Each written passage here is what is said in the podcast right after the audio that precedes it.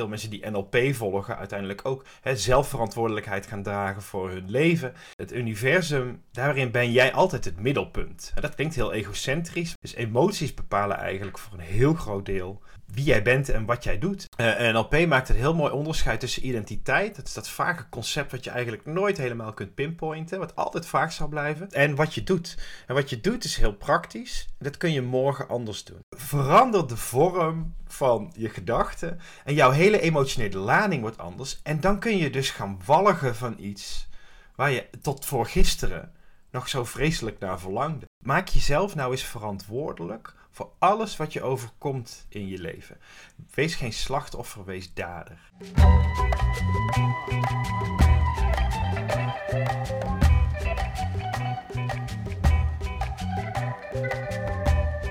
Flavio appte echt serieus een half uur voordat ik zou vertrekken. Van kun jij toevallig vrijdag komen? Dus technisch gezien hadden we gisteren wel kunnen, kunnen opnemen. Maar uh, uh, ja, ze zijn constant aan het zoeken naar het format voor het nieuwe programma. Ja. En uh, ik ben een vrij sterke en actieve spreker in het, uh, in het verhaal. En breng veel energie mee. En als ze er dan twee of drie van mij hebben, dan, en in de andere aflevering niet, dan wordt de ene aflevering wat minder dynamisch dan de andere. ja, ja, ja.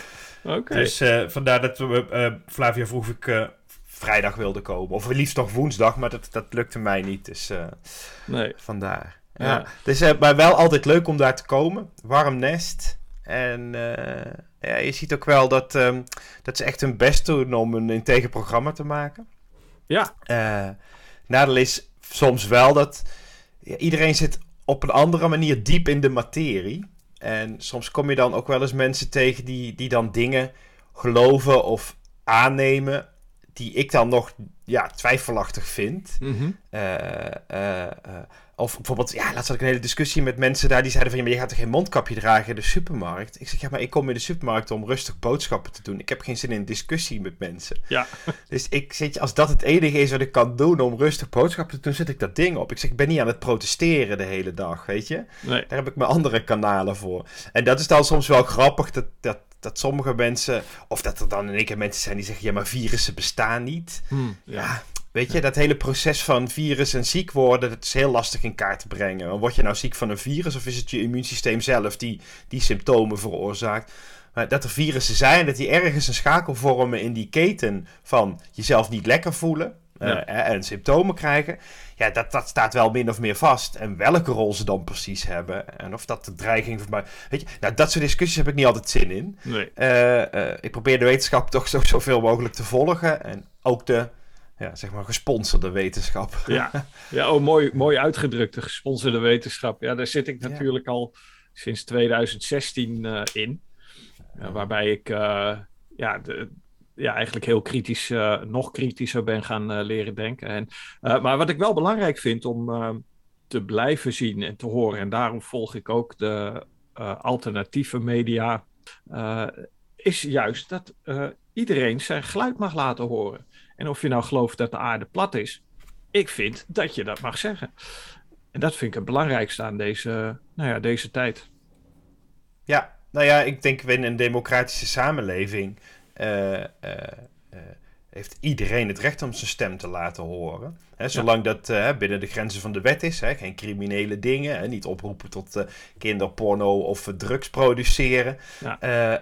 maar verder mag iedereen zijn mening hebben. Dat is, dat is de kern van een uh, democratie. Ik, ik, val wel eens over de term inclusiviteit, hè, waar uh, veel partijen mee schermen. Dat is ook zo'n leuke uh, World Economic Forum paradepaardje. Ja. Maar inclusiviteit betekent ook dat mensen die niet inclusief denken, een stem mogen hebben. Want die horen er ook bij. Weet je? Ja. En dat je die mensen op andere gedachten probeert te brengen, is weer goed recht. Dat heet weer democratie.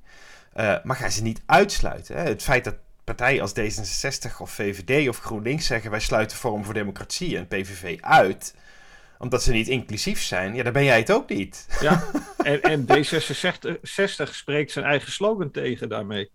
Ja, ja, ja. iedereen uh, mag er zijn. Hè? laat iedereen vrij is hun, uh, ja. is hun slogan. Ja. ja. En niemand laten dat. vallen. Nou ja, en niemand laten vallen. En dat slecht, doen ze zelf. Slecht voorbeeld hebben ze laten zien de afgelopen vier jaar. ja, ja. Het is allemaal voor de bühne praat. Ja.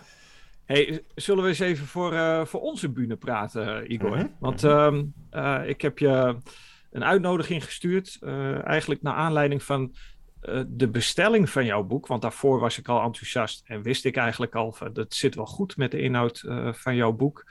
Um, ik, ja, laten we maar gewoon van wal steken. Ik ben ontzettend trots om te mogen introduceren in de Rook Stop Buddy podcast. Niemand minder dan Igor van Kaam van The University of Me. Uh, kritische kijkers zouden hem kunnen kennen uit de alternatieve media. Blackbox TV is hij regelmatig uh, aanwezig om zijn, nou ja, zijn energie en zijn kunde voor taal te delen. En nou, waar ik, wat ik echt geweldig vind, is dat The University of Me een, ja, een serie met analyses heeft gemaakt die op YouTube te zien zijn op het YouTube-kanaal van The University of Me, uh, waarin uh, Igor eigenlijk de ja, politici, de BN'ers die van invloed zijn geweest, met name de afgelopen twee jaar op onze maatschappij, eigenlijk taalkundig fileert en dat uitlegt aan de kijker hoe dat nou precies werkt. Ik heb het boek uh, besteld naar aanleiding van het kijken van die, uh, van die video's. En daarop heb ik uh, Igor gevraagd om eens een keertje te komen uitleggen in de Rookstop bij die podcast. wat hij doet met taal. En um, nou voordat we daarover beginnen, Igor, zou je eens iets over jezelf willen vertellen? Wie ben je en waar kom je vandaan? Ja, leuk. Ja, ik ben uh, Igor van Kaam. Ik ben uh, eh, 48 geworden. Ik moet er zelf nog een beetje aan wennen, maar het is ook pas een week geleden. Dus ik ben 48 geworden. Um, ik woon in Wissekerken, dat is in de buurt van Goes in Zeeland. We wonen dicht bij het strand. En ik heb daarvoor 25 jaar in Eindhoven gewoond en gewerkt. Heb daar ook een groot deel van mijn netwerk en mijn vrienden. En ik ben precies tussen Eindhoven en Wissekerken geboren in het Rozendaal. En daar heb ik tot mijn 21ste gewoond. Dus ik woon ook nog niet zo heel lang in, in Zeeland. En um, op korte termijn gaan we verhuizen. En verhuizen we naar Zuid-Afrika zelfs. Dus we gaan een grote stap maken. We gaan Europa verlaten. Ja. En ik ben um, ooit begonnen als recruiter, werving en selectie bij een consultancybureau. En daar ben ik met NLP in aanraking gekomen in 2002. Uh, eh, heb uh, vrij snel besloten van dit is iets wat ik wil leren. Dus ik heb mijn basisopleidingen gedaan. En het toeval wilde dat mijn trainer Frank Senze destijds wilde stoppen met trainen. Een boek wilde gaan schrijven. En mij zijn portefeuille aanbood. en die heb ik aangenomen. En je ziet dat veel mensen, ik heb het natuurlijk in de afgelopen 18 jaar ook gezien, dat veel mensen die NLP volgen uiteindelijk ook hè, zelfverantwoordelijkheid gaan dragen voor hun leven. En vaak dat ook in een andere rol, in een andere relatie of uh, zelfs als zelfstandige ondernemer willen doen. Nou, dat liep bij mij niet heel anders. Dus ik ben voor mezelf begonnen. Uh, eerst met een werving- en selectiebureau, lekker vertrouwd. En eigenlijk daarna dus uh, als NLP-trainer en, uh, en coach. En dat, dat is in 2005 gestart, dus ik ben echt al een tijdje bezig. En in 2020, 2021, ja, eigenlijk door corona, is het instituut gesloten. Uh, dus konden we ook niet of nauwelijks meer fysieke lessen geven en, uh, en, plannen. En hebben we University of Me ontwikkeld, waarin ik al die jaren NLP-kennis en alles wat ik er nog meer bij gedaan heb, familieopstellingen, ja, noem het op, alles rondom Joe Dispenza en Esther Hicks over de Law of Attraction, dat zit daar eigenlijk allemaal in. Ik heb de basis wel rondom NLP gehouden in University of Me. Dat had ook te maken met het feit dat ik al veel langer dacht: waarom komen al die mensen op dinsdagavond naar hun klasje? Hè, met een kop koffie en een koekje en parkeerproblemen. Als ze het gewoon thuis kunnen doen. Ja, ja het, is, vandaar dat ik uh, het helemaal online heb geschoven. En ik zie daar ook wel de toekomst voor, voor heel veel leren. Alhoewel niks uiteindelijk boven live samenkomen zijn en samen mooie momenten beleven gaat. Ja. ja ben ik ook voor. En uh, nou ja, ik heb uh, mijn bedrijf Rookstop, wat nu Rookstop Buddy heet, ook eigenlijk opgezet vanaf uh, eh, 2018 had ik al de wens om alles online te doen. Um, juist omdat ik uh, nou ja, als een Rookstop Buddy destijds nog dacht, stoppen met roken. Dat is een ding wat je voor jezelf moet doen. Um, ik had bij collega's gekeken en die, die het in groepsvorm deden. Maar uiteindelijk online, ja, middels audio. Um, vandaag wil ik het eigenlijk niet zozeer over de, de rokers hebben. Ik, ik, probeer wat diepgang aan te brengen. Dat is mijn, mijn voornemen voor 2022. Dus vandaar mijn uitnodiging aan jou. Je bent de eerste van dit jaar. Ik heb nog andere mensen benaderd. Die, die later in het jaar hebben toegezegd een opname te willen doen met mij. Um, je, je, had het net over nou ja, het bedrijf wat je neer hebt gezet, het instituut. Heette het toen al University of Me? Nee, nee. Um, uh, het instituut uh, heette destijds NLP in Eindhoven. Okay. Um, en dat kwam eigenlijk omdat ik uh, tijdens mijn werving- en selectieperiode ook af en toe trainingen gaf op het gebied van Google. Dus hoe, hoe zoek je goed, hè? Boolean search, als het zo mooi heet. Ja. En ik heb altijd gedacht, als ik een naam voor een bedrijf bedenk, dat moet dat, moet dat aansluiten op datgene waar mensen op googelen.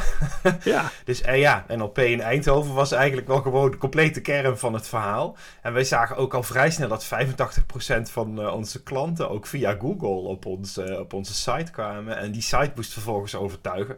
En, en, en dat werkte. Dus dat heet heette NLP in Eindhoven, later NLP in Holland, omdat ik wilde gaan franchisen.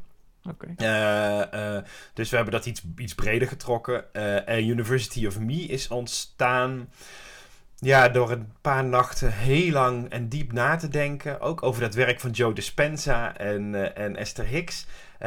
op de simpele reden dat hè, de, de, het universum, daarin ben jij altijd het middelpunt. dat klinkt heel egocentrisch, maar je bent ook het middelpunt van jouw omgeving. Hè? De wereld vouwt zich in een uh, uh, hoek van 360 graden om jou heen open.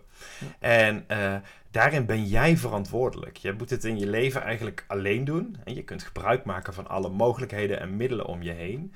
Maar als jij verbinding wil krijgen met die wereld om je heen, dus je verbinding wil krijgen met het universum, dan moet je dat vanuit jezelf doen. en niet alleen naar buiten toe, maar vooral ook naar binnen toe. Dus het universum bevindt zich in jou als je die lessen heel serieus neemt. Ja. En um, universiteit betekent ook iets moois. Hè? Universiteit staat voor hè, verbindend zijn met het heelal. Hè, verbonden zijn met het heelal. Heel veel mensen denken dat een universiteit een opleidingsinstituut is, maar dat is een van de vele definities. Dat mensen hebben we ook wel eens aangeschreven ook, maar je bent helemaal geen officiële universiteit. Nee, we zijn een university. Dat ja. anders. Maar university betekent ook eh, eh, eh verso, hè? dus eh, wijze of manier. Kan ook richting betekenen. En unie, er is één richting, er is één weg, er is één waarheid. Ja. En die proberen we te vinden en te volgen.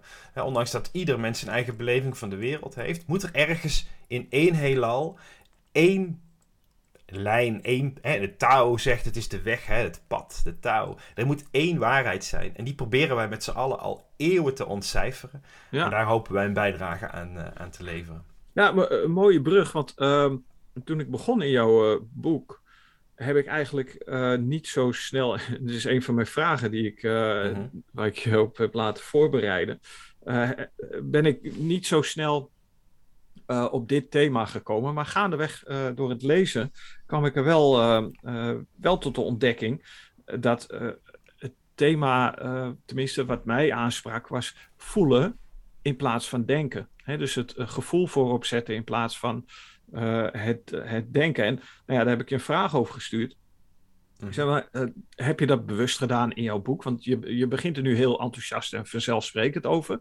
Um, om daar niet direct over te beginnen in je boek, heb je dat bewust gedaan? Uh, omdat het, nou ja, in de huidige tijd alles moet meetbaar zijn. Hè? Het, het, het denken overheerst, het voelen. Uh, ben je bang dat mensen daarop afhaken? Of? Nee, alleen, het, het, ik zeg wel, het, het boek is eh, eh, sowieso het boek, hè, Ik leef mijn eigen leven, is het begeleidingsboek bij ons positieve psychologie-programma. Feitelijk bevat het dezelfde inhoud, maar soms met iets meer diepgang, soms met net een andere insteek. Hè. Dus die twee die, die grijpen als het ware als een ritsluiting uh, in elkaar. Uh, en het boek moest, hè, om dat woord maar even te gebruiken, wat mij betreft in lijn zijn met het programma. Alleen het mooie is wat ik in de loop van de jaren in mijn eigen trainingsrol, hè, trainersrol heb ontdekt. En door alles wat ik er nog naast deed en boeken die ik las en studies die ik deed, is het NLP in het begin heel praktisch overkomt. Hè? Een serie trucs en tools en techniekjes om van alles en nog wat te, eh, te verbeteren in je systeem. Ja. Maar dat de essentie uiteindelijk in emotie ligt. Uh, jouw emotie bepaalt uh, A. Elke vorm van jouw gedrag.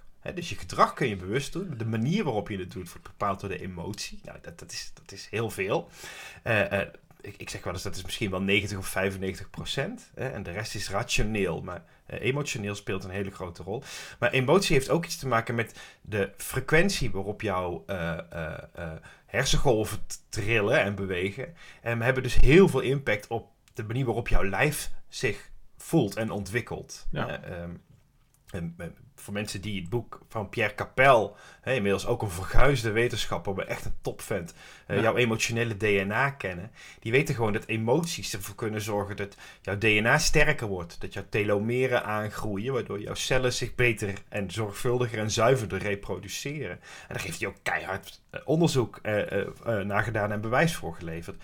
Dus emoties bepalen eigenlijk voor een heel groot deel um, wie jij bent en wat jij doet. En, en, en, dat, om dan toch heel even naar dat roken te brengen. Want je hebt natuurlijk veel rookstoppers of uh, ex-rokers in jouw uh, luisteraarsgroep. Ja. Uh, je rookt vaak omdat je, of je begint zelfs ook met roken uit emotie. Hè. Je wil erbij horen, je wil stoer doen, je wil je afzetten tegen je ouders. En daarna ga je roken omdat je stress hebt, dat je even die frisse lucht nodig hebt, even die break. Het is allemaal emotie. Er is geen enkele wetenschappelijke of rationele reden om te roken. Nee, nee, inderdaad, ja, maar met de herinnering ook aan die eerste emoties. Want dat is um, waar ik veel mensen uh, naar terugbreng. Hè, als ik een uh, intakegesprek hou, uh, dan stel ik de vraag: kun je herinneren je eerste sigaret, hoe dat ging en waar, hè, hoe dat voelde? Dat is een groot onderdeel van de methode.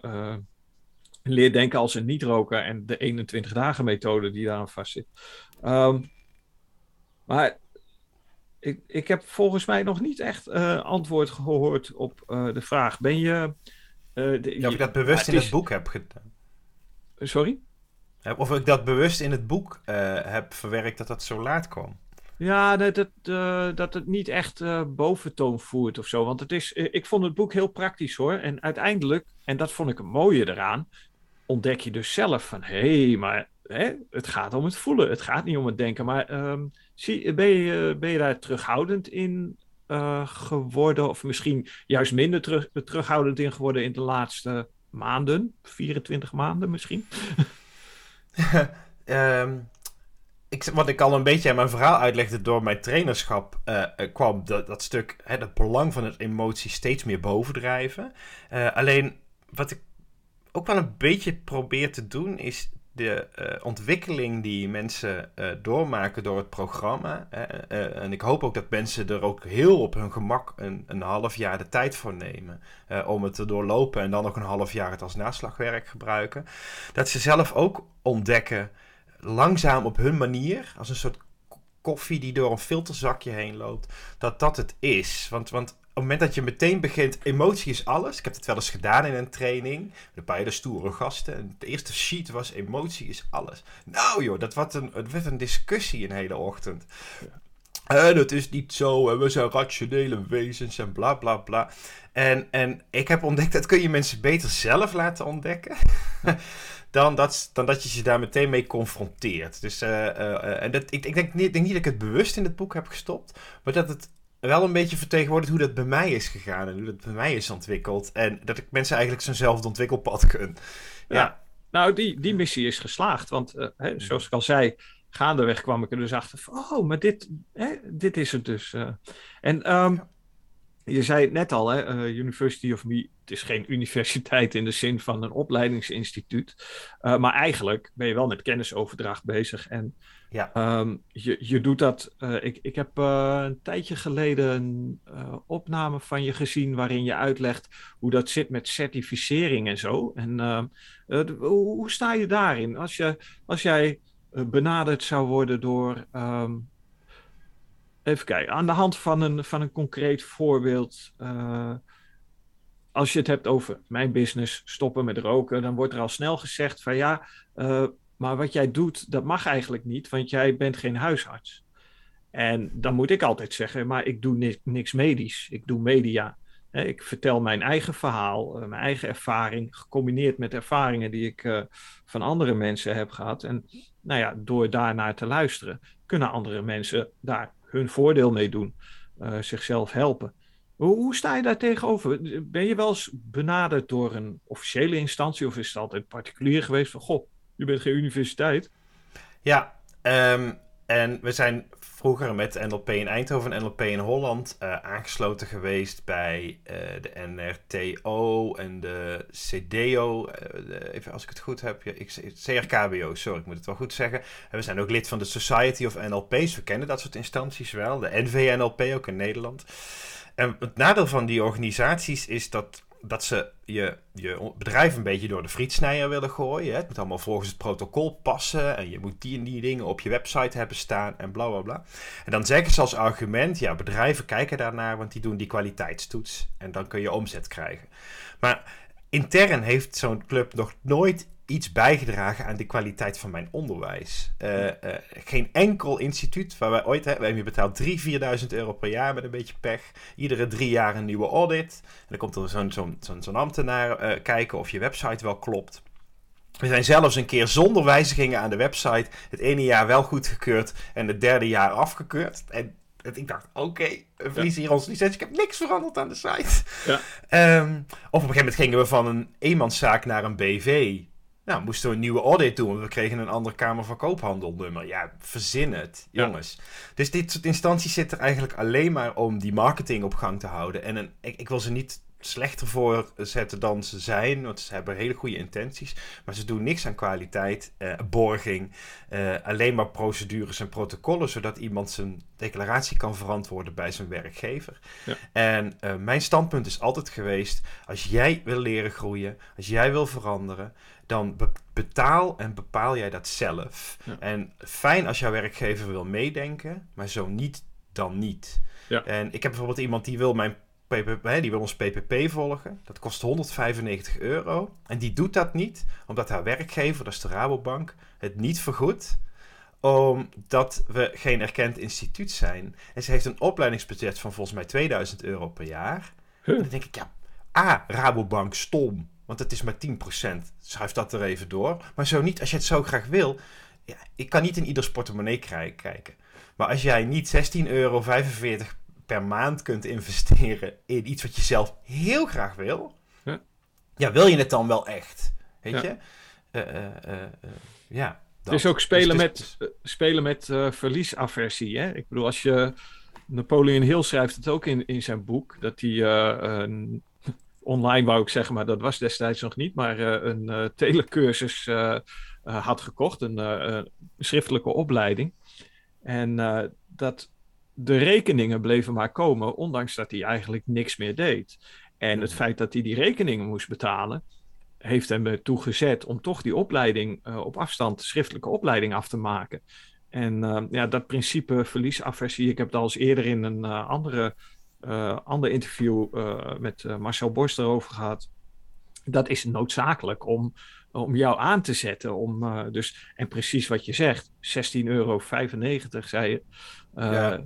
Per maand. Ja, wat is dat qua investering? Um, sportschool is duurder volgens mij. Dus, oh, ja. ja.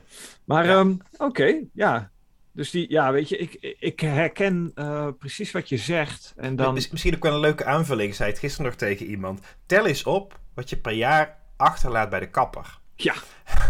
uh, uh, stel je voor, je gaat als man misschien wat minder vaak dan als vrouw. Maar je gaat zo om de zeven of acht weken. Je rekent zo tussen de 25 en... Ja, mijn kapper is, is, is best duur. 50 euro af. En, en dat dan om de... Nou, laten we even zeggen, even vijf keer per jaar of zes keer per jaar. Ja, ik geef 300, 400 euro per jaar uit bij de kapper. En dan denk ik, en dan zou ik niet 200 euro in mijn eigen bovenkamer kunnen stoppen. Eenmalig, waar ik misschien wel 5, 6 jaar lang gigantisch veel profijt van heb. En daarna is het een gewoonte. En, ja, sorry, kan er met mijn pet niet bij. Dan moet dan jouw werkgever of de zorgverzekeraar vergoeden. Ja, kom eens. Weet je, het, nou ja, in, in, in pakje sigarettenprijzen. Ja, het is zo'n zo'n XXL-pack, bij wijze van die zijn ook over 16 euro per maand. Ja, nou ja daar, dat, daar kun je dus anders besteden. Dat is precies waar ik het over heb. Uh, ik, ik ga ook, uh, uh, ik heb het ook over geld en wat je kunt besparen. En tijd is ook een factor, maar geld ja, is, is waardevoller als je de factor tijd nog niet echt goed kunt waarderen. Dus daar, daar speel ik ook mee in nou ja, mijn uitleg over het leven van een niet-roker. Hmm. En dan heb je zo anderhalf uur tijd per dag gewonnen waar je leuke dingen mee kunt doen. Dus in mijn geval heb ik ben ik begonnen met een uh, goed abonnement op de Biep, zodat ik de boeken wat langer kon, mocht, mocht lenen. En daar heb ik heel veel kennis uit gehaald. En uiteindelijk kom je dus in die situaties dat je achterkomt dat een investering in jezelf zoveel meer oplevert. Precies wat je zegt, dan kun je vijf, zes jaar eigenlijk je hele leven kun je daar je voordeel mee doen. Ja, nou ja, ik denk dat het wel een mooi, mooi aansluit het stappenplan conditioneren, wat ik op uh, bladzijde 199 heb gevonden. Ik hou van die schemaatjes, waarin je dus eigenlijk, ja, het is een soort van, van loop, hè, wat, wat je hebt omschreven.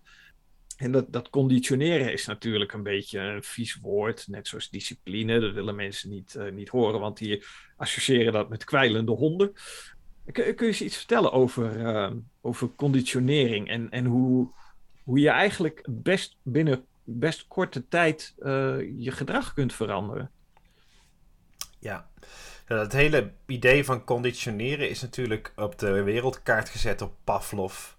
Hè? Uh, de hond, het vleespoeder en het belletje. Ik vind het ook jammer dat ze dat beest nooit echt een biefstuk gaven in dat laboratorium. Maar vleespoeder, dat vind ik dan weer gewoon on, zo oncharmant om dat te lezen. Maar, um, uh, ja, maar dat, dat, dat, en, en het grappige is, als je daar dan verder op doorspit, en we doen binnen NLP natuurlijk heel veel met conditioneren, ontdekte ik later een onderzoek van varkens die een, die een, een dood of een verzwakt virus ingespoten kregen en tegelijkertijd muntblaadjes te ruiken kregen.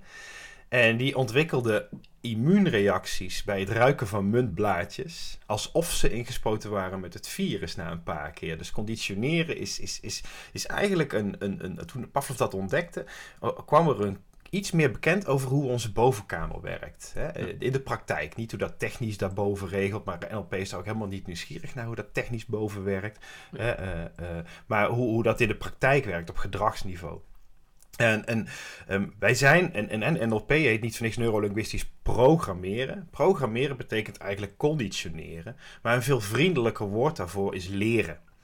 En bij leren denken we heel vaak aan kennis. Uh, leren betekent ook leren schrijven, leren fietsen, leren lopen. Maar ook al je gewoontes. Hè, met welk been sta je s'morgens op? Uh, uh, hoeveel tandpasta doe je op je borstel?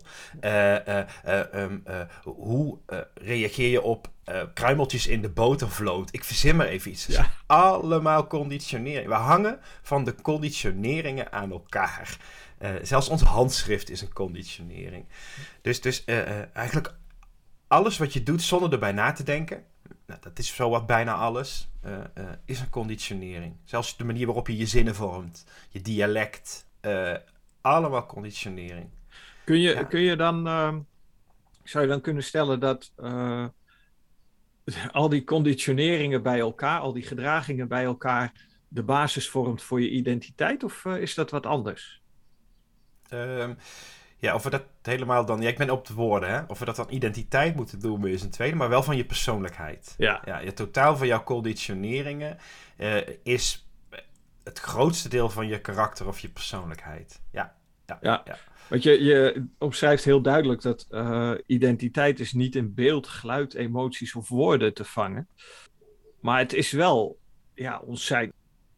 En, en nog even terug waar we het net over hadden. Hè? Uh, die, uh, met, met ja, de huidige ontwikkelingen op het gebied van, van de maakbaarheid van onze maatschappij. Is dat, uh, dat denken over identiteit in zo, op zo'n abstracte manier, is dat een voordeel of een nadeel als je, als je daarmee aan, aan de slag gaat? Ik bedoel, ik kan, kan me voorstellen dat het, mensen uh, van hun stuk kan brengen. Mhm. En wat ik eerder heb meegemaakt met heel simpel mensen die dus uh, willen gaan leven als ze niet roken en dat dat niet direct lukt, dat die uh, toch wel een, um, nou ja, van, van het stuk zijn gebracht en, uh, en tijd nodig hebben voor herstel. Heb je daar wel eens iets over gehoord, ervaring mee? De mensen zeggen, goh. Um, nou, in eerst, ik laat me op je eerste vraag antwoorden van in hoeverre is dat filosoferen over wie ben ik, hè, wat is mijn identiteit? Dat, dat, dat, dat kan zeker in het begin heel erg onzeker maken. Uh, omdat je erachter komt dat welke identiteit je waarop jezelf plakt, het is nooit helemaal het plaatje. Hè, ik ben een man, ik ben een Roosendaler, of ben ik toch Eindhovenaar, of ben ik Zeeuw. of ben ik Nederlander? En wat is Nederland dan? Hè? Ben ik schrijver? Ben ik opiniemaker? Ben ik trainer? Ben ik coach? Dus al die rollen. Hè? daarom, ik ben, wie ben ik? Geen idee. En dat maakt soms heel onzeker als je niet weet wie je bent. Maar je kunt je geruststellen, niemand weet wie die is. Nee. dus, maar we plakken rollen op ons op ons, uh, op ons systeem. Hè. Je bent dan een roker of een niet-roker of een anti-roker of een ex-roker. Uh, uh, maar dat is eigenlijk meer wat je doet. Ja.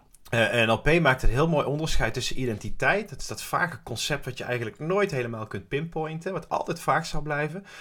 En wat je doet. En wat je doet is heel praktisch. Dat kun je morgen anders doen. Dus je bent geen roker, maar je rookt. En je rookt niet de hele dag, maar op jouw geconditioneerde momenten.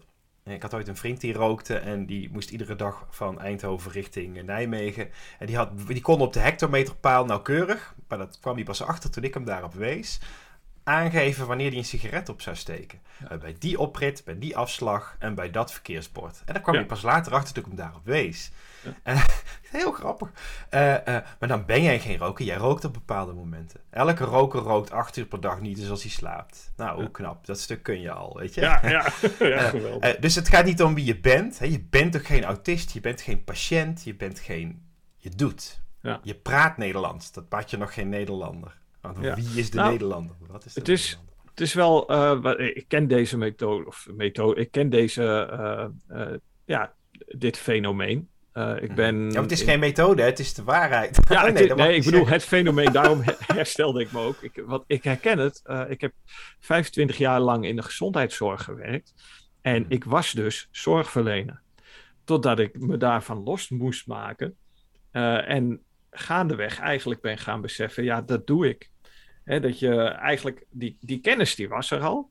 Alleen je zit dan zo, je bent zo ver... Uh, ja, verbonden of je houdt zo vast aan die zekerheid wat jouw uh, identiteit op dat is. Vandaar dat ik uh, ook de vraag stelde, krijg je daar wel eens terugkoppeling van dat mensen nou ja, uit het lood geslagen zijn of, of nou ja, in, in twijfel komen. Um, maar bedenk ook goed dat de illusie, want ik noem het echt nu even een illusie, illusie van identiteit geeft heel veel houvast. Ja. het is fijn om bij bijvoorbeeld een groep te horen. Een cultuur hè, is ook een identiteit van een groep dat geeft houvast. Dat geeft binding, herkenning, veiligheid, geborgenheid. En jouw eigen identiteit, het weten wie jij bent. Hè, als je in de spiegel kijkt, dat je jezelf herkent in heel veel dingen. Dat, dat geeft zekerheid, het geeft rust, het geeft veiligheid. En die valt weg op het moment dat je erachter komt dat je niet weet wie je bent. Dat je dat niet kunt pinpointen. En, en, en dat is wel even wennen. Maar ja, ja, ik denk het heel makkelijk nu. Ik heb daar jaren over gedaan. Het is een kwestie van achterovervallen. En verwachten dat je wel opgevangen wordt als je dat stuk loslaat, als je die vraag loslaat. Alleen ja, dat, dat is dus waar mensen mee worstelen als ze die sigaret bijvoorbeeld moeten neerleggen. Want wie zijn zij zonder? Eh, eh, eh, wie, oh, het is met alcohol hetzelfde. Ja. ja. Nou, het is precies wat je zegt. Het is een investering die je voor jaren gaat doen. Uh, en dat geldt voor iedere uh, verandering. Want uh, waar, uh, ja, als, je, als jij denkt van nou, als ik dat ene moment één keer doe en, en daarmee verandert er iets, ja, dat, hè, dat is misschien het, het doven van je allerlaatste sigaret, is die handeling. Maar uiteindelijk is het, ja, is het gewoon het gedrag wat daarna komt. Hè? De, de rest van je leven wil je, nou, in het geval van mensen die uh, naar mij luisteren, wil je leven als een niet-roker. In het geval van de mensen die, uh, die jou gaan volgen, hopelijk uh, zijn de rokers die overstappen ook naar de University of Me. dat ze dus gaan inderdaad nadenken over, oké, hoe zit ik in elkaar? Ik heb, ik heb veel aan dit soort ehm, ja, leesstof gehad. ik ben nog aan het overwegen om, om nou, bij jou, uh, bij jullie in de webshop uh, iets te gaan uh, bestellen. Hè? De, de PPP-methode of PPP-opleiding. maar dat heeft met tijd te Leuk. maken. Ik heb in ieder geval een leuke kortingsbon van je gekregen voor je verjaardag. Dus, Hij is nog tot 1 april geldig. ja, daarom. Ik heb nog bedenktijd. En, en ja, goed, je kunt er 12 maanden mee, mee doen, hè? Mm dus wat dat betreft is ik het... heb 12, uh, 12 maanden toegang, ja. Ja, ja dus uh, nou ja, dat, dat, is tijd genoeg. Maar ik, uh, ik heb nog een paar dingen lopen. Zoals um, Richard de Let, Hoe Sterk, heb ik nog liggen. En nou ja, nog een stapel boeken op mijn nachtkastje waar ik nog mee bezig ben. Ehm, hey, als we het nou even praktisch houden. Hè? We hebben het nou gehad over ja, eigenlijk allerlei ongrijpbare dingen. wat misschien niet voor iedere luisteraar even toegankelijk is. Nog, misschien komt dat in de toekomst nog. Hopelijk hebben we mensen geprikkeld om daarmee uh, op onderzoek te gaan. Um, de uh, instructie voor het onderbewuste. Dat sluit geloof ik een beetje aan op dat conditioneren. Hè? Er staat een hele mooie zin, die heb ik er even uitgepikt. Want die wil ik heel graag delen. Omdat ik die ook heel vaak deel met mensen die nou ja, rookstopbuddy benaderen. Bij proberen is de instructie dus letterlijk naar je onderbewustzijn doen, maar zorg dat het niet helemaal lukt. Dat is pagina 207. Ik vond hem prachtig, want dit is. Um, nou, ik heb uh, Daniel Kahneman heb ik helemaal ontleed. De hè, twee systemen die hij uitlegt in, in zijn boek. En, maar dit is het dus. Hè? Als jij met je bewuste brein een instructie, eh, geef je eigenlijk continue instructies naar je, naar je onderbewustzijn. Dus ja, dat proberen, laat maar zitten jongens, want dat gaat, dat gaat mislukken. Hoe, hoe leg je dat uit aan de hand van uh, eh, NLP-technieken? Kun je er iets over zeggen? Uh, ja, dit gaat natuurlijk helemaal over. Uh, wat je er nu uithaalt, zo'n citaat gaat helemaal over taal en taalpatronen en de onbewuste verwerking van taal.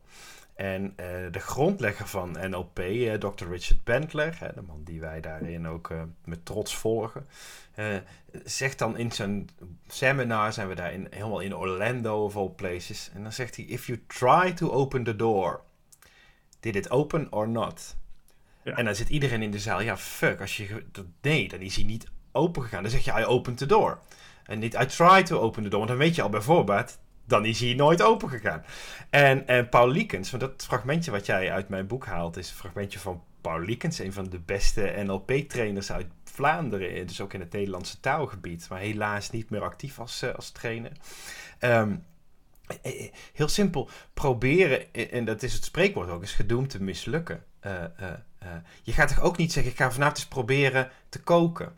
Of ik ga zo meteen proberen naar de wc te gaan. Ja, als je heel moeilijk kan, dan, dan dat, dat kan dan nog. Hè? Ja. Uh, uh, maar dingen doen we gewoon. Ga even een glas water drinken. Ga even een broodje eten.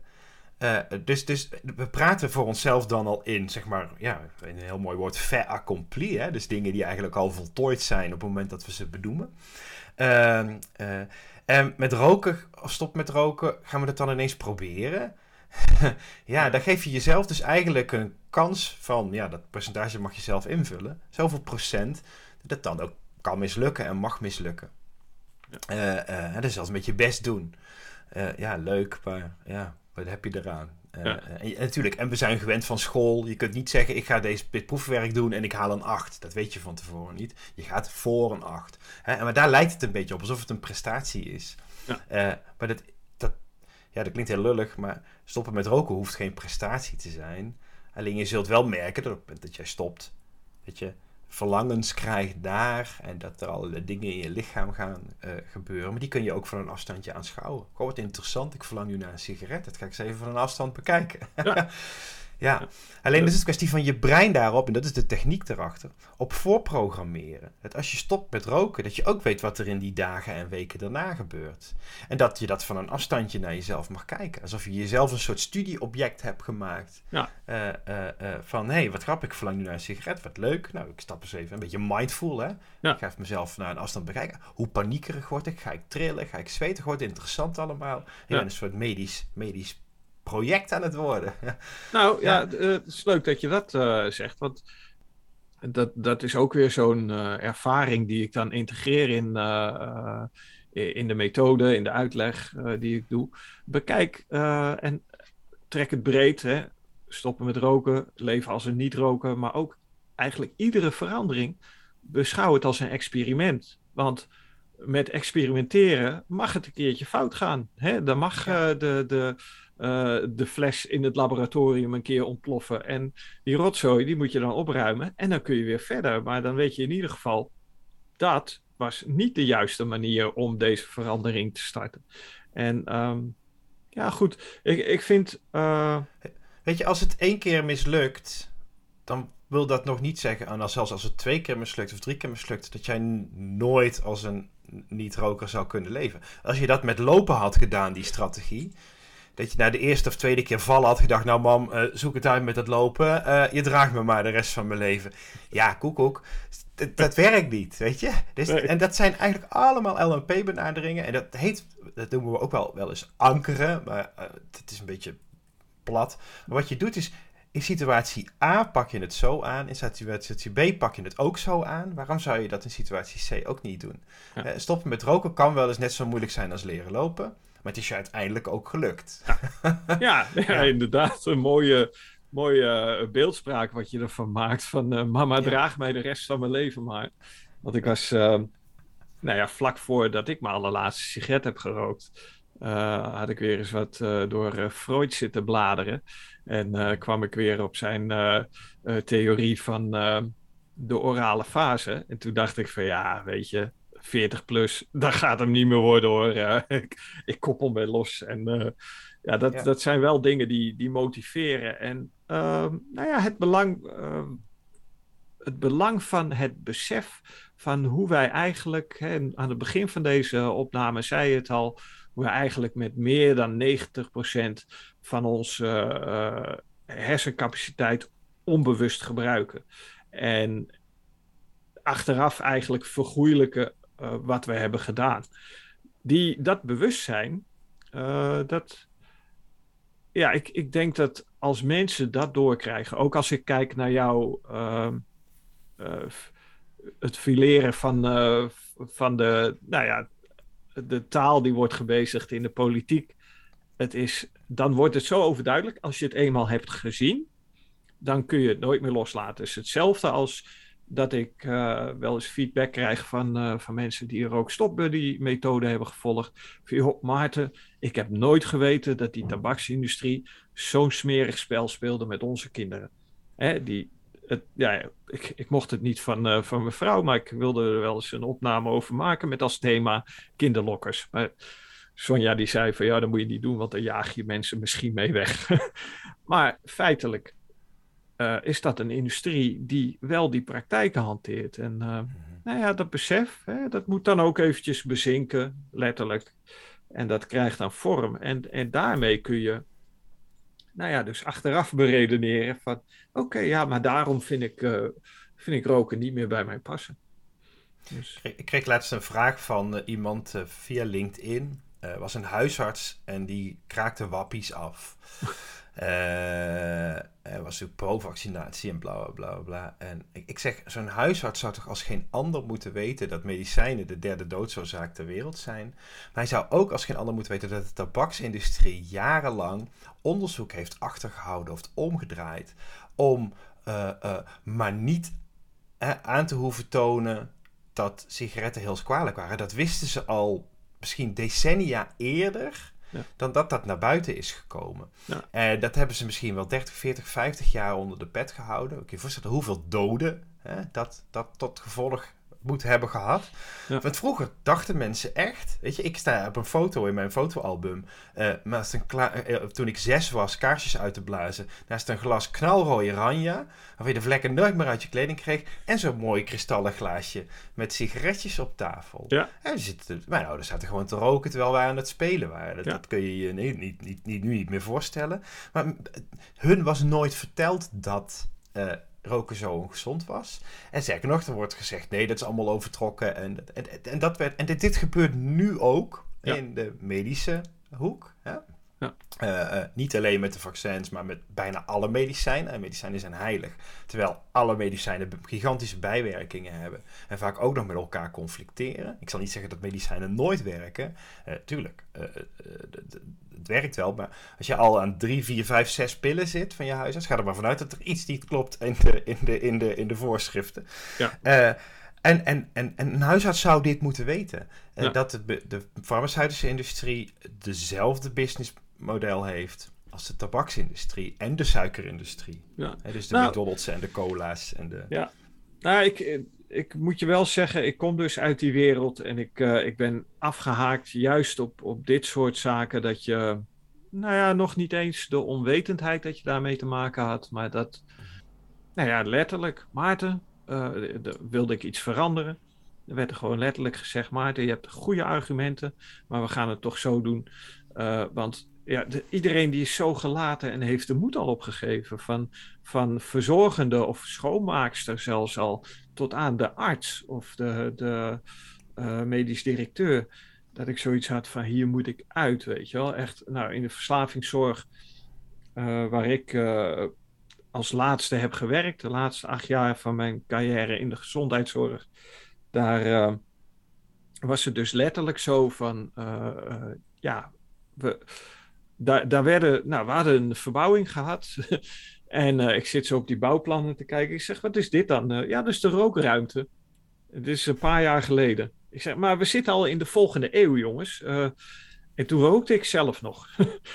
en toen werd gezegd van, ja, nee, maar dat moeten we wel doen. Want anders worden onze cliënten onrustig, lopen ze weg. Nou, toen kwam Jellinek met het nieuwsbericht van we gaan uh, rookvrije zorg aanbieden in onze klinieken.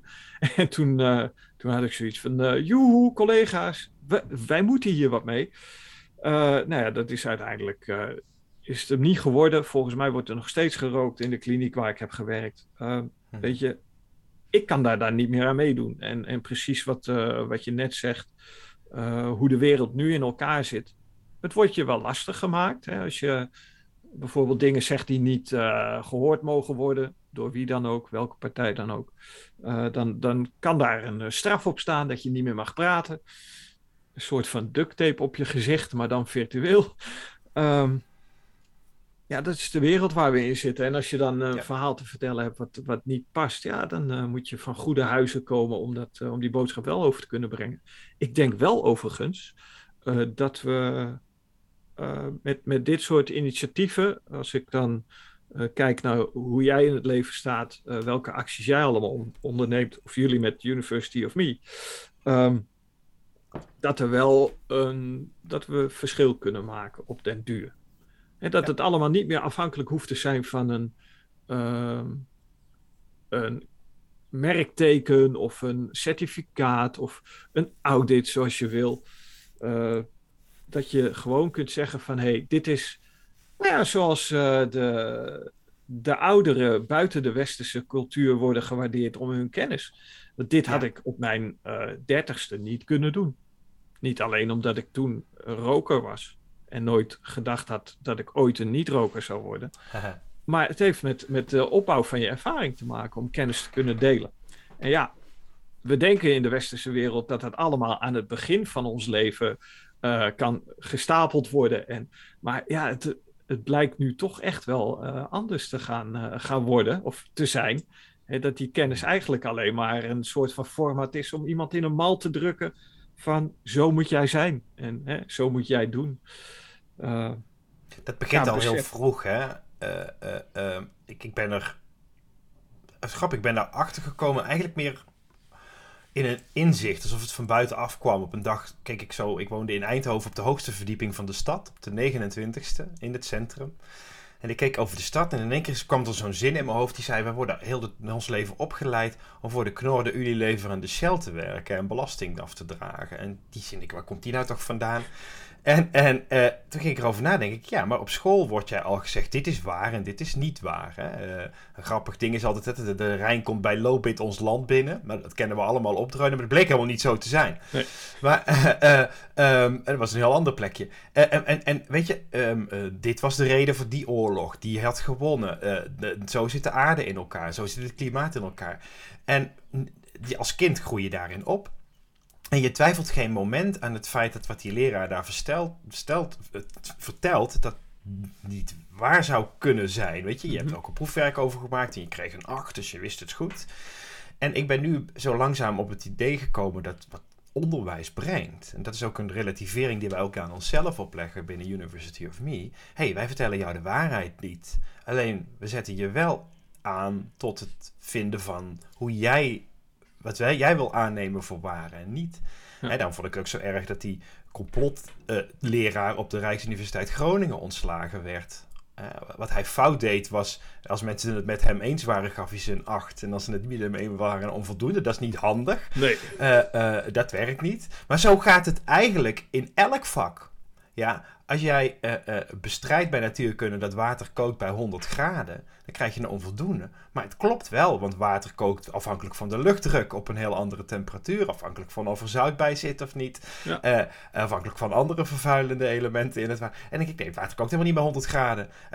alleen onder ideale omstandigheden wel, weet je. Ja. Um, en, en zet er dat dan bij. en, en zelfs als zoiets praktisch al niet klopt, dan dan, uh, en dat heb ik dan weer uit een boek van Joe Dispenza. Die kwam erachter dat een atoom heel anders in elkaar zat en dat Newton het tot nu toe beschreven heeft. Newton zegt, je hebt een middenpunt en daaromheen gaan één of twee uh, ionen, die cirkelen rond. En als je daar een hele snelle foto van zou moeten nemen, zou je die moeten kunnen zien langschieten, zo in de foto. Daar is hij. Maar Joe Dispenza zegt, ik draai dat eens helemaal om. Er zit een wolk van waarschijnlijkheid om die, om, om, dat, om die kern van dat atoom. En ergens zul je daar hoogstwaarschijnlijk een ion tegenkomen. Stel dat we dat, dat we dat even loslaten. Dan, dan valt heel Newton uit elkaar. Maar dan valt dus alles wat we op school geleerd hebben over natuurkunde scheikunde uit elkaar. En dan is dat dus een vol van waarschijnlijkheid. En het lullige is, ons brein, dat zelfs dus met het principe identiteit, als je dat niet kunt pinpointen, de werkelijkheid om ons heen kunnen wij dus niet 100% exact definiëren. Wij ervaren hem wel als concreet. ik kan tegen het scherm aanslaan en dan voel ik dat en denk ik, ja, dat scherm is daar echt. Maar het zijn gewoon cellen die afspraken met elkaar gemaakt hebben. En de afspraak van de cellen in mijn hand en de afspraak van de cellen op mijn beeldscherm, die zeggen, jij, jij kan hier niet doorheen. Maar ben je vervolgens magnetron, dan kan het wel. Ben je licht, dan kan het weer niet. Het zijn afspraken. Het zijn concepten. En daarom is de hele wereld om ons heen een concept. En dat vinden mensen zo moeilijk om te begrijpen. En op school leer je alleen maar feiten. En het eerste wat je bij mij leert in de groep is: feiten bestaan niet. Alles is perceptie. Alles is, om het heel plat te slaan, een mening. Uh, of het is een concept gebaseerd op een op een menselijk besluit. Wanneer je jarig bent, je geboortedag, het feit dat je iedere 365 dagen viert en één keer in de vier jaar naar 366 dagen, dat is een afspraak die wij als mensen met elkaar gemaakt hebben. Dieren vieren geen verjaardag. Ze weten de volgende dag niet meer dat ze geboren zijn. Nee, nee. ja, wel dat ze op jacht moeten naar eten. Ja. ja ja, dat heb ik overigens ook met astrologie. Ik kom daar niet uit. Ik probeer mijn leven lang al te begrijpen hoe het kan dat als de Jupiter in het twaalfde huis staat, dat ik dan uh, uh, uh, meer van rollen hou dan, dan niet. Dan denk ik, ja, prima. Ik zou best dat de planeten invloed hebben op het leven op aarde. Maar kun je dat in zo'n mooi metrisch menselijk systeem zetten? Ik heb daar soms moeite mee. Ik ga astrologie niet af, af want het is een hele wetenschap. Hè? Ook in India wordt de hele huwelijken op gebaseerd. Ja. En dan denk ik, ja nou, in India gaat het goed. Hè? Dat, uh, die hebben het voor elkaar daar. Denk ik dan. Nee ja, sorry. Maar, ja, Dus dat, maar iemand zou me daar eens moeten over kunnen onderwijzen. Van, nou, leg mij eens uit waarom datgene wat astrologie beweert Klopt het, als ik de beschrijving van de Chinese tijger, ik ben een Chinese tijger lees, dan denk ik wel, ja, dat ben ik. Maar ja, wij zien ook naar de maan kijken we en dan herkennen we er een gezichtje in. Ik weet een beetje hoe dat gaat in ons hoofd. Jezelf herkennen in iets is veel makkelijker dan het tegendeel opwerpen. Maar goed, ik dwaal af. Ja, nee, maar het is, uh, het is leuk uh, het afdwalen. Uh, ja. Je, je, had het net al uh, over wat buitenaardse dingen. Um, mm. is, is nog één dingetje wat ik, wat ik echt voorbij wil, wil laten komen in deze opname. En dat is jouw toverformule. En ik heb het even in een krabbeltje opgeschreven. Maar de, de inhoud van je gedachten tegenover de vorm van je gedachten. waar we het nou, net eigenlijk over hadden. De dingen die um, eigenlijk niet zo goed onderzocht kunnen worden. Dat zeg ik niet helemaal goed, maar de ongrijpbaarheid van, van zaken. De psychologie is erg bezig met de, de vorm. nee, herstel. De inhoud van gedachten. Ehm, en uh, jij, jij, zit meer op de vorm met, uh, met wat ik uh, uit het boek heb gelezen. En krijg je hier veel kritiek op van, nou, als je deze stelling deponeert van, zeg maar, de, de mensen uit ja, de, de gevestigde wetenschap, laat ik het zo maar noemen. Of ik daar met heel veel wetenschappers discussie over heb, dat valt wel mee. ik heb dit natuurlijk wel jarenlang aan honderden mensen uitgelegd in, in de klas. En ik merkte na verloop van tijd dat ze dan wel ja zaten te knikken, maar dat die boodschap helemaal niet doordrong. Uh, totdat ze het zelf gingen ervaren in, in, in oefeningen bijvoorbeeld, of in hun eigenlijk dagelijkse leven. Maar dan werd het nog altijd als een soort wonder gezien. Ja, ik heb die techniek gedaan waarbij ik iets met de vorm van mijn gedachten heb gedaan. En nou doe ik dit niet meer. En dan oh, kreeg ze applaus. En, uh, maar niemand snapte hoe logisch dat is. Als je de kraan opendraait, komt er water uit en dicht. Zo simpel is het. Dus dat vind ik een beetje binnen welk kader je dit moet zien. Uh, uh, maar um, om hem heel kort uit te leggen, want nou roep jij een zin en mensen te denken inhoud versus vorm, waar gaat dit over? en je kunt aan een sigaret denken, dat is inhoud. Ik pak hem even op roken. Maar ik kijk dan, ik vraag dan, oké, als je je ogen sluit en je denkt aan een sigaret, hoe zie je hem dan? Zie je hem midden voor of aan de zijkant in jou? Hè? Zeg dat je een grote bioscoopscherm in je hoofd hebt. Waar staat hij? Hoe dichtbij, hoe ver weg staat hij? Is hij, is hij schoon? In je gedachten, hoe ruikt hij? Uh, Niemand denkt bij een sigaret aan een uitgedrukte peuk in een asbak waar ook nog een klets bier overheen is gegaan. Want als je dat iemand voorschotelt, dan zegt ze, gaat verdamme dat vies. Ja? Geen enkele roker geniet van het idee van een, van een uitgedrukte peuk. Nee. Weet je?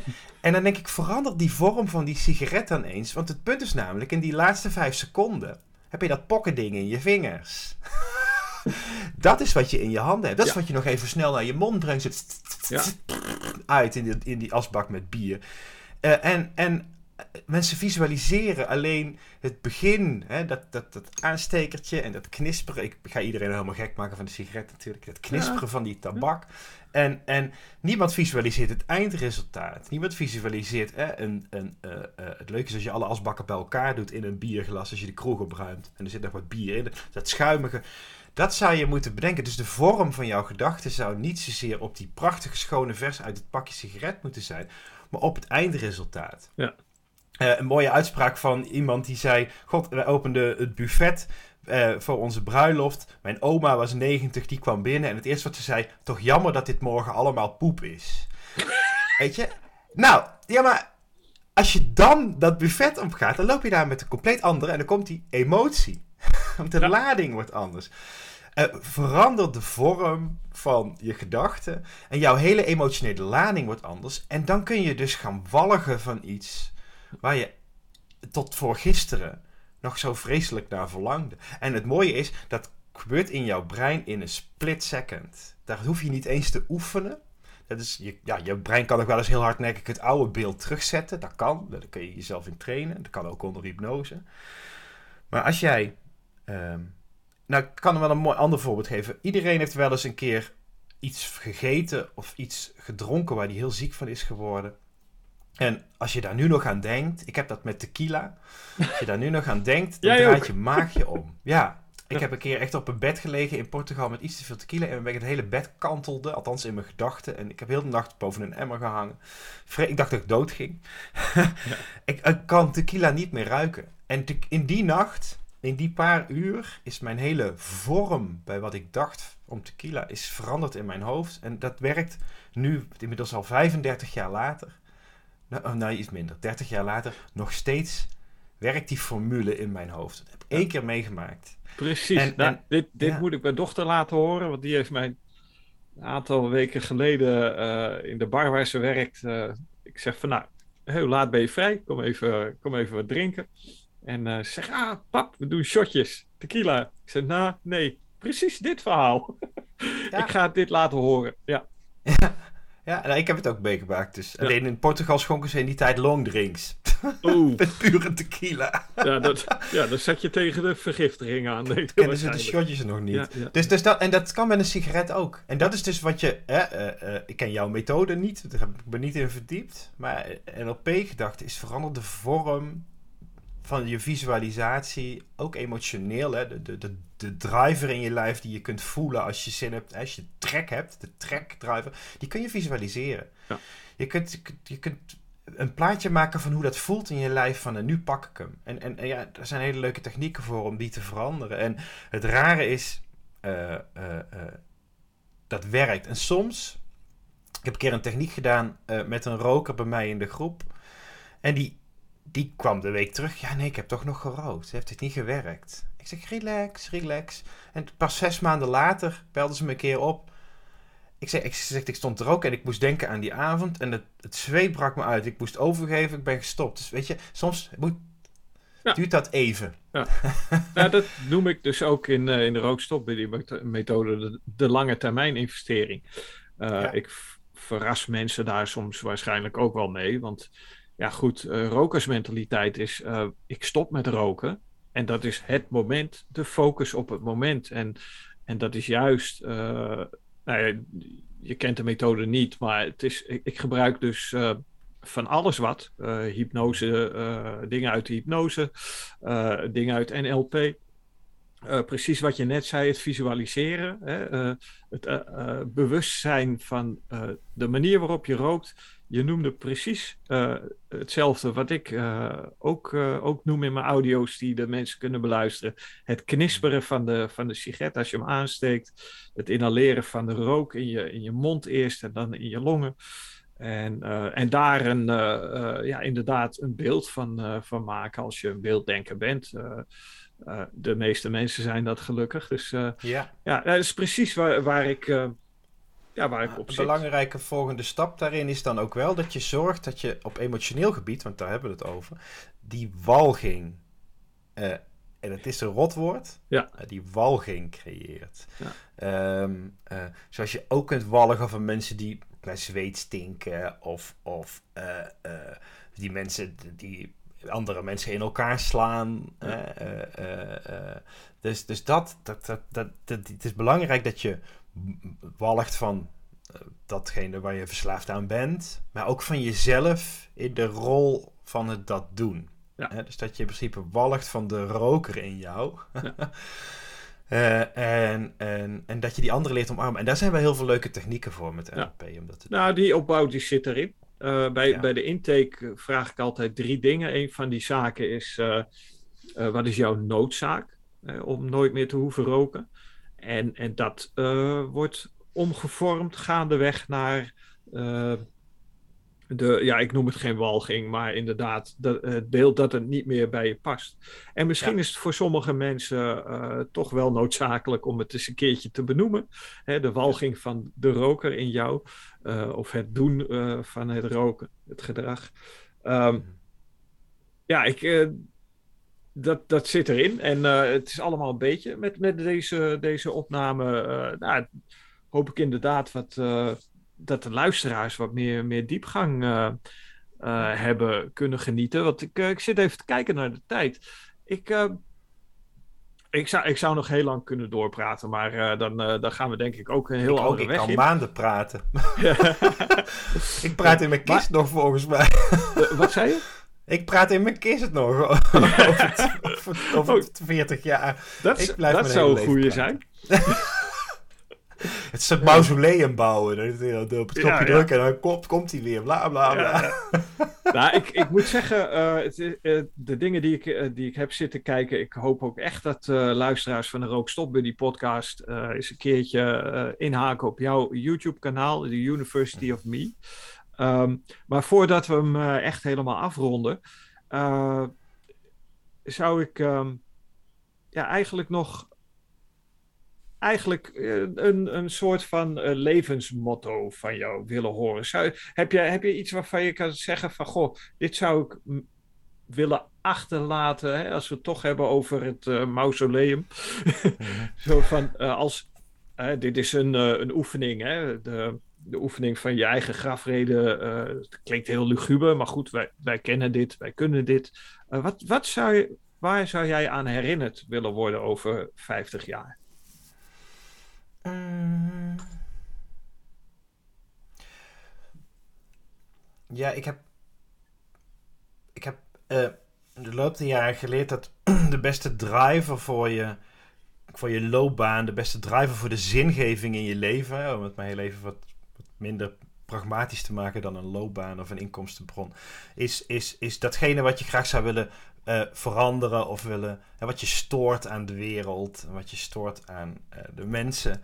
En, en ehm, ik ben een jaar geleden per toeval achtergekomen dat ik in heel veel gevallen eigenlijk helemaal geen mensenmens ben. Ik ben technisch gezien een solist.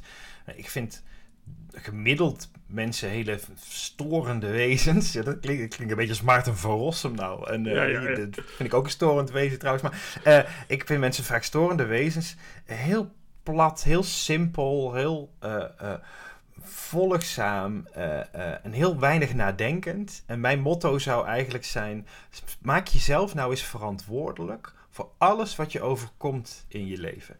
Wees geen slachtoffer, wees dader. Ja, en heel veel mensen zeggen dan, ja, maar de coronacrisis kan ik toch niks aan doen? Ja, maar hoe je ermee omgaat wel. Ja. om ons heen gebeuren een hele hoop dingen, maar tussen die twee oren uh, ben jij de baas. En jij bepaalt hoe je met alles omgaat en hoe je met alles reageert. En je kunt je grootste vijand morgen vergeven. Je kunt na het overlijden van jouw dierbaarste vriend of partner, kun je overmorgen uh, naar het theater gaan en keihard gaan zitten schaterlachen. Je, je, bij wijze van spreken. Je, ja. je, kiest ervoor om te rouwen. Hè, zeg ik wel eens. Uh, een mooi verhaal van een, van een vriend van mij. Oma was op de begrafenis van, van haar man na 40 jaar huwelijk. En om twee uur kijkt ze op de klok. Ze zegt, ik weet niet wat jullie gaan noemen, ik ga kienen. en die ging naar de bingo. Ja. Het was al dinsdag altijd, had ze om twee uur bingo. En ze had s morgens de man begraven na 40 jaar huwelijk. En smiddags ging ze naar de bingo. Weet je, het is, misschien, het is echt gebeurd. Ja. het is een leuk voorbeeld. Jij bent verantwoordelijk voor hoe jij met alles wat er om jou heen omgaat. Jij bent de dader van je leven. Ja. En wat je zaait, is wat je zult oogsten. En wat je geoogst hebt, is wat je ergens gezaaid hebt. Dus of dat nou betekent ik krijg kanker, of ik krijg dit, of ik ben arm, of ik ben rijk, of ik ben gelukkig, of ik ben ongelukkig. Het is jouw schuld. Ja, ja, ja en dat is mijn grote boodschap aan mensen. Ja, ja. ja dus is ook een van de vragen die ik bij de intake stel. De, de retorische vraag van, goh, wie is er nou verantwoordelijk voor alle successen en alles wat er mis is gegaan in je leven? Dus voor de luisteraars die zover zijn gekomen bij dit gedeelte, dit is precies het motto van wat, wat het verschil maakt tussen een ex-roker en een niet-roker als je jarenlang gerookt hebt. Uh, ik, ik vind het een prachtige afsluiter. Ik had uh, in ons uh, voorgesprek al een berichtje gestuurd dat we ehm, nou ja, na ons eerste telefoongesprek even informatie hadden uitgewisseld. Ik zag jouw aantekeningen, jij zag het mijne en ik zei van hey, grappig, een rapport. Hè? We zaten op één lijn. Uh, ik moet zeggen, deze, uh, deze opname precies zo. Ondanks hmm. dat het op afstand is. Uh, ja, ik had je veel liever in levende lijf willen, willen ontmoeten. Nou is uh, Wissekerken, Enschede voor mij net iets te veel om te overbruggen met deze benzineprijzen. Uh, openbaar vervoer is een, een no-go voor mij sinds twee jaar. En nou ja, dat hoef ik niet uit te leggen waarom. Uh, ja, ik, ik vond het heel aangenaam, Igor. Dank ik, je. Ik, ik ook. Ik, uh, ik wil je heel veel um, geluk wensen met je nou, best grote stap naar de andere kant van de aardbol. Uh, gelukkig in dezelfde tijdzone. Ja. Dus als het aan mij ligt en uh, het komt er eens een keertje van, uh, zou ik je heel graag nog eens een keertje willen spreken. Ik ga nog even een paar dagen nadenken en kijken of ik het over het einde van, uh, van deze maand heen kan uh, tillen om uh, toch de positieve psychologie-programma bij jou te bestellen. Bij jullie te bestellen, moet ik zeggen. Het was mij een waar genoegen. Igor, dankjewel.